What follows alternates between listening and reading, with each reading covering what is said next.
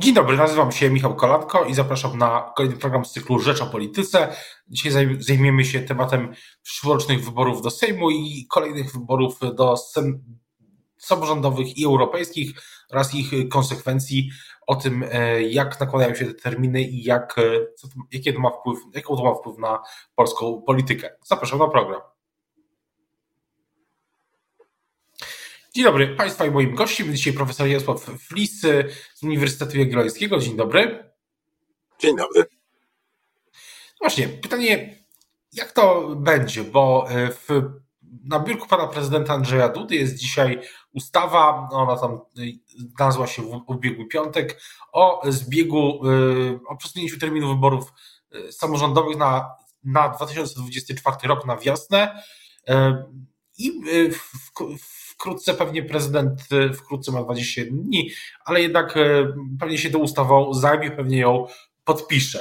Co w praktyce oznaczałoby, że wybory samorządowe będą wiosną 2024 roku, tuż za wyborami do e, Europarlamentu, które są w maju 2024 roku. To będzie to oznaczać tyle, że obóz rządzący wpadłszy w panikę w związku z, z potencjalnym, no, z efektami swojego własnego błędu sprzed prawie pięciu lat, e, podjął decyzję, żeby zmienić jedno rozwiązanie, no bardzo wątpliwe, na rozwiązanie jeszcze gorsze. Znaczy, wydaje się, że przesunięcie wyborów na kwiecień 2004 roku e, jest dla samej partii rządzącej bardzo dużym niebezpieczeństwem. No i dodatkowo jeszcze to już z ich perspektywy, a z naszej obywatelskiej perspektywy e, przede wszystkim jest e, źródłem dodatkowych e, problemów, komplikacji. Znaczy nie rozwiązuje tego wszystkiego, co zostało wywołane przez, przez wydłużenie kadencji do pięciu lat, tylko przesuwa to troszeczkę dalej, odsuwa ten problem, a nie go rozwiązuje. No i trochę zamyka drogę do tego, żeby rozwiązać ten problem stosunkowo najprościej i też z punktu widzenia partii rządzącej najbezpieczniej, czyli przesunięcie wyborów sejmowych na czerwiec przyszłego roku, tak żeby ten odstęp pomiędzy wyborami sejmowymi a samorządowymi wypadł akurat na wakacje. To, jest takie rozwiązanie, wydaje się naj, najsensowniejsze, no ale rozumiem, że, że się nie wystraszyli się i, i zrobili głupotę. A co, co, co, co pan ma na myśli, mówiąc przez y, dodatkowe komplikacje, jeśli chodzi o 2024 rok i ten okres y, wiosenno-letni? Czy przede wszystkim to, że wybory samorządowe odbędą się w środku kampanii wyborczej do Parlamentu Europejskiego. Ta kampania jest dłuższa, wybory zarządza się wcześniej niż e, zwykłe wybory w, w Polsce. E, I przez to to wszystko, czego się chciano uniknąć, przynajmniej patrząc na uzasadnienie, czyli wszystkie problemy prawne z ciszy wyborczej, e, w trakcie kampanii podwójnego kandydowania, rozliczenia wydatków i tak dalej, to wszystko zostaje. To znaczy, to w ogóle nie zostało nie zostało e, usunięte. Dodatkowo problem jest taki, że wybory do Parlamentu Europejskiego są wyborami w trochę innej skali e, ale też z innymi możliwościami. To znaczy, łatwiej jest zarejestrować listy wyborcze, bo te okręgi wyborcze są bardzo duże i wystarczy pięciu kandydatów na dwumilionowe województwo, czy grupę województw nawet. Natomiast limity wydatków są e, kolosalne. I dlatego każdy racjonalny kandydat na prezydenta miasta wiosną, taki, który nie jest z ogólnopolskiej partii, zarejestruje swój komitet w wyborach do Parlamentu Europejskiego, przemnażając kilkukrotnie swoje limity wydatków. No i tym samym niszcząc jakąś E, jakąś równowagę na lokalnej e, scenie politycznej. No a później, ponieważ te wybory samorządowe są wcześniej, to da się te kandydatury wycofać i w ogóle problem, e, problem znika. Więc to jest taki też problem i prawny, organizacyjny, że to nie jest dramat, ale no na pewno jest to taki nieprzyjemny zapaszek, który się może nieść po polskiej scenie politycznej i który też no, trochę skrzywia rywalizację. No pytanie, po co to, po co to komu? To znaczy, czy, czy strach partii rządzącej przed porażką, przed kumulacją swoich niepowodzeń e, w krótkim czasie, czy on naprawdę jest e, warty robienia takiego zamieszania. Czyli mówi pan, że kandydaci w wyborach samorządowych będą mogli korzystać z tego, że po prostu wybory do Europarlamentu będą kilka miesięcy później. No to będą nawet miesiąc albo niecałym, to zależy od której, od której tury, jaki będzie konkretny, konkretny termin, jak to, jak to będzie wyglądać, ale ta różnica będzie bardzo, bardzo nieduża, ale i tak będą się nakładać te, te wybory i no plus jeszcze takie dodatkowe zmiany, znaczy spodziewamy się, że wtedy frekwencja w wyborach europejskich będzie najniższa w ogóle w całej historii, może zejść poniżej tej z 2014 roku, dlatego że te wybory nie będą, będą w ogóle ostatnimi w cyklu E, tym kilkumiesięcznym. Będą zmęczeni wyborcy, już no, wiemy z różnych miejsc, że niechętnie głosują wtedy, kiedy już głosują kilka razy. W dodatku wtedy, kiedy te wybory, które i tak były uważane przez nich za najmniej ważne, będą jako ostatnie. I stracą też taki wymiar, który miały wcześniej te, te wybory, to znaczy policzenia się, to znaczy takiego dużego sondażu wyborczego. Tak jak na przykład w 2019 roku, kiedy frekwencja nagle skoczyła do góry w wyborach do Parlamentu Europejskiego dwukrotnie, no dlatego, że zbliżały się wybory sejmowe i obydwa obozy chciały pokazać swoją siłę, no i to była taka walka o pole position. A teraz no te wybory będą ostatnie, jak ktoś chce, będzie pokazać, ktoś, ktoś będzie chciał pokazać swoją siłę, jedna partia czy druga, to zrobi to w wyborach samorządowych, w wyborach sejmikowych, w wyborach prezydentów miast. No i później, jak już przyjdą to wybory, e, wybory europejskie, no to, to już wtedy naj, naprawdę najbardziej zagorzali e, i świadomi obywatele pójdą na te wybory. No i to sprawia, że na przykład e, będzie, będą te wyniki wyborów znacznie bardziej przypadkowe. Będzie, może być wreszcie w polskich wyborach, tak jak to się dzieje w wielu krajach europejskich, łatwiej ugrupowaniom radykalnym, skrajnym, jakimś nowym, nowym próbom. No, no dramatu z tego powodu nie ma, ale, ale no to są dodatkowe, niepotrzebne komplikacje polskiego życia politycznego. Bo to, to jest też tak, że w, y, tak jak wielokrotnie Pan mówił, że w każdych wyborach jest jakieś takie tymczasowe ugrupowanie protestu, y, w skrócie TUP, ale wydaje się, że może tak jak Pan mówi teraz, że w wyborach do, do Sejmu, y, w wyborach samorządowych to ugrupowanie się nie pojawi, a pojawi się właśnie w wyborach do Europarlamentu, tak jak Pan przed chwilą wspomniał. Tak, no może być to jakiś taki właśnie tup, e, taki część gniewnych wyborców, aczkolwiek wydaje się, że, że to że to raczej może być któreś z takich istniejących ugrupowań, to znaczy będzie, będzie większe prawdopodobieństwo, że któreś z, z tych partii tworzących koalicję w Polsce, no bo właśnie większość większość ugrupowań, zaczynając od Zjednoczonej, no niegdyś Zjednoczonej e, Prawicy, przez Koalicję Obywatelską, Koalicję Polską, e, Lewicę, to, to są wszystko konglomeraty, czy kończąc na Konfederacji, to są konglomeraty mniejszych ugrupowań, no i teraz będzie większa, większe prawdopodobieństwo, że to któreś z tych ugrupowań popęka w e, wyborach do Parlamentu Europejskiego i będzie to, co się w polskiej polityce nazywa liczeniem szabel. No tam wystartujemy osobno, spróbujemy a nuż się, a nuż się uda, no to, to też są takie rzeczy, które jakoś dodają zupełnie niepotrzebne zamieszanie e, do polskiego życia politycznego. Ale wracając jeszcze do, tych, do tej samej e, sekwencji, są trzy, trzy, jeśli prezydent oczywiście podpisze ustawę, są trzy, trzy wybory w takiej sekwencji, czyli wybory do parlamentu, wybory do e, samorządowe, wybory do Europarlamentu, później, później dłuższy czas jakiś po nich wybory prezydenckie co ta sekwencja Pana zdaniem będzie jeszcze, z czym się będzie jeszcze wiązała, jeśli chodzi o, e, o, mobilizację, mobilizację wyborców? Bo wydaje się, że dzisiaj główne partie PiS i Platforma e, no, najbardziej, najbardziej właśnie chcą, czy dbają o to, żeby ta mobilizacja wyborców była jak największa właśnie w tych pierwszych wyborach już w październiku przyszłego roku. E, I, i co dalej?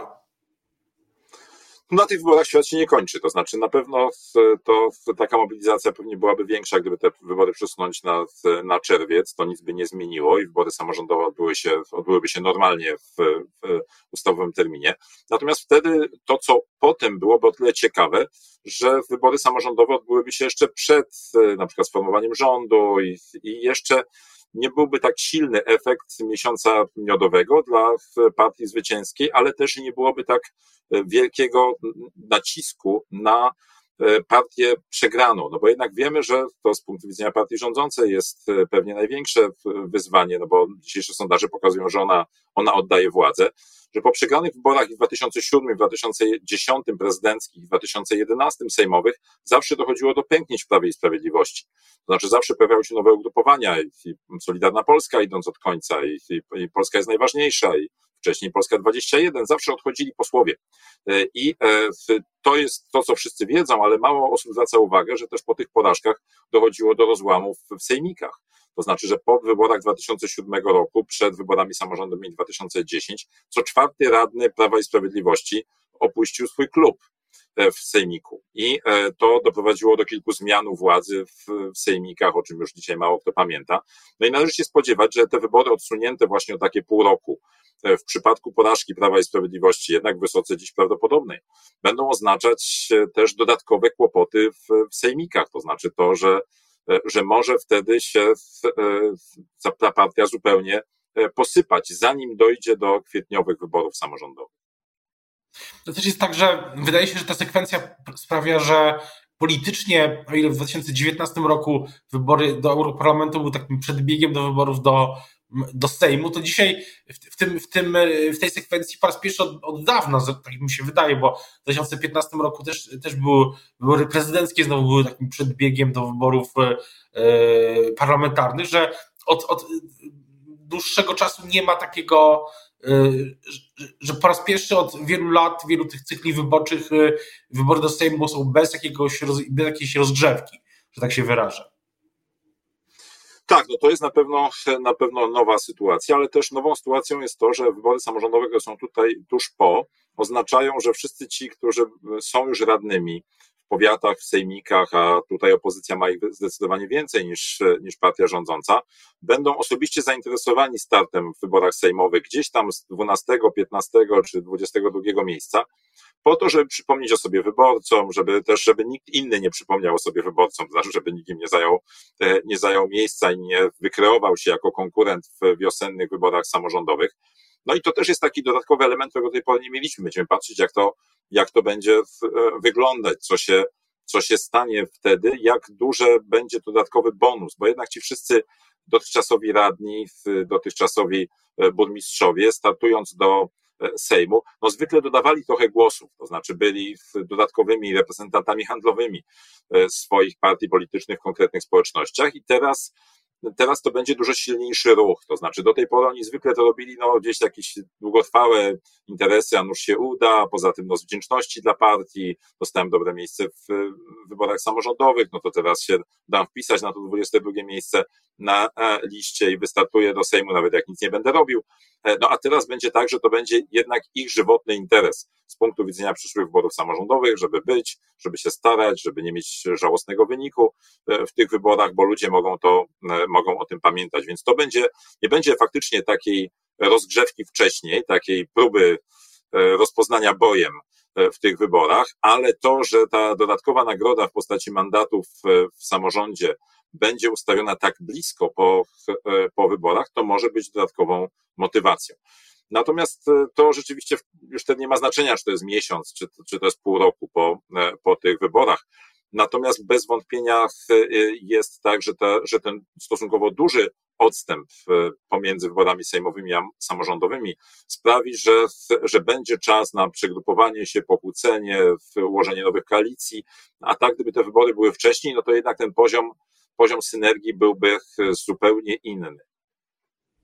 To jest, też pytanie, jest też pytanie o tą trajektorię, którą dzisiaj widzimy, czy pan widzi. Mówi pan, że partia rządząca, że Prawo i Sprawiedliwość y, raczej jest y, na straconej pozycji w tej chwili, jeśli chodzi o, o sondaże, też kilkukrotnie o tym, wielokrotnie tym ostatnio rozmawialiśmy.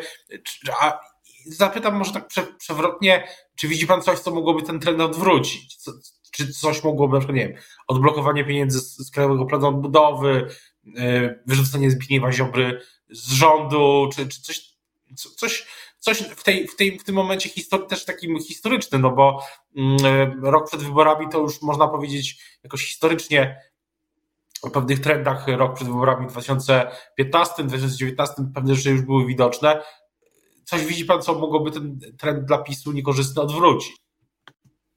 No to są przede wszystkim błędy opozycji. To jest tak jak w ostatnich amerykańskich wyborach, e, kiedy też no, jednak spodziewana potężna porażka demokratów została ograniczona e, przez wszystkie właśnie kłótnie i napięcia e, wywołane przez Trumpa w obozie republikanów, gdzie toczyła się jednocześnie z kampanią przeciwko demokratom, przeciwko Bidenowi, toczyła się rozgrywka pomiędzy tymi trumpistami a a antytrumpistami w samej partii republikańskiej, a tymi, którzy no, nie chcieli na niego stawiać albo już chcą iść do przodu, nie chcą wracać do, do przegranych wyborów sprzed dwóch lat. No i tutaj też się to może zdarzyć. Znaczy zawsze, znaczy nigdy sytuacja rządzących nie jest tak zła, żeby opozycja nie była w stanie podarować e, zwycięstwa e, przez złą, złe personalne e, pomysły, przez wzajemne spory, podchody i przekonanie, że tak naprawdę no już walka z PiS jest wygrana, to teraz trzeba zacząć się ustawiać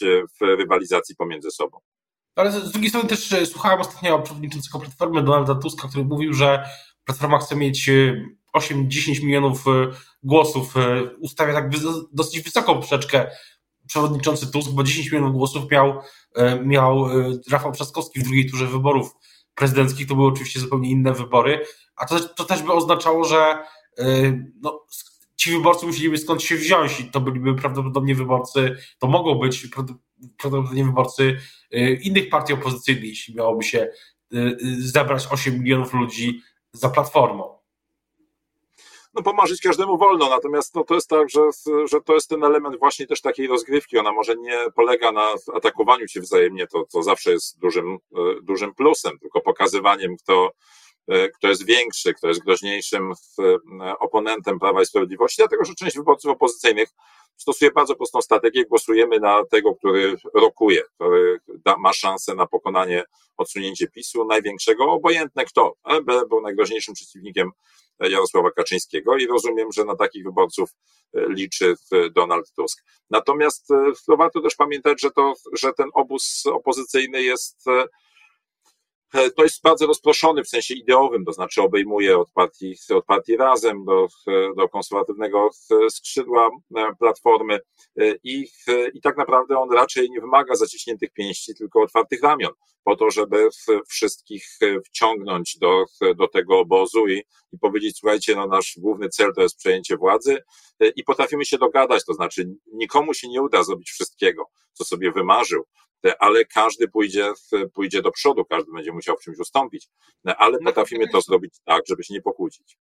Na koniec jeszcze pytanie właśnie o, o opozycję, o, tą, o ten kalendarz, no bo rozmawialiśmy, zaczęliśmy naszą rozmowę od kalendarza i też chciałbym na koniec zapytać jeszcze o kalendarz, bo opozycja wydaje się, że chciałaby y, że, że ten proces tych porozumień, blok, blokowania się, on się zakończy pewnie dopiero wiosną. Czy z punktu widzenia takiej mechaniki wyborczej, kalendarza wyborczego, to jest za wcześnie, czy, za, czy to jest optymalny, za późno, czy, czy to jest optymalny termin? Przepraszam no to nie jest zły termin. No warto też pamiętać w kontekście tej, tej ustawy Prawa i Sprawiedliwości, że oczywiście nikt z opozycji tego nie powie, ale, ale Prawo i Sprawiedliwość tutaj zdejmuje potężne brzemię z ramion opozycji, no bo gdyby wybory samorządowe były wcześniej, tak jak jest zgodnie z obowiązującym prawem, to partie opozycyjne musiałyby się porozumieć przed wyborami do sejmików. To są znacznie trudniejsze porozumienia niż w przypadku wyborów do Sejmu. Okręgi są mniejsze, nacisk na integrację jest większy.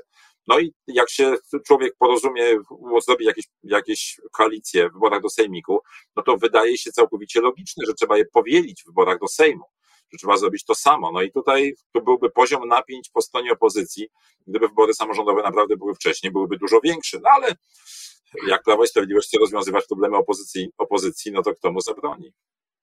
O tym, y, o tej kampanii, o tych y, o kampaniach wyborczych w przyszłym roku i ich kalendarzu będziemy oczywiście jeszcze pewnie wielokrotnie y, mówić i pisać też i w RPPL i w Rzeczpospolitej. Teraz bardzo już dziękuję za rozmowę. Państwa i moim gościem dzisiaj był profesor Jarosław Flis z Uniwersytetu Jagiellońskiego. Dziękuję bardzo. Dziękuję pięknie.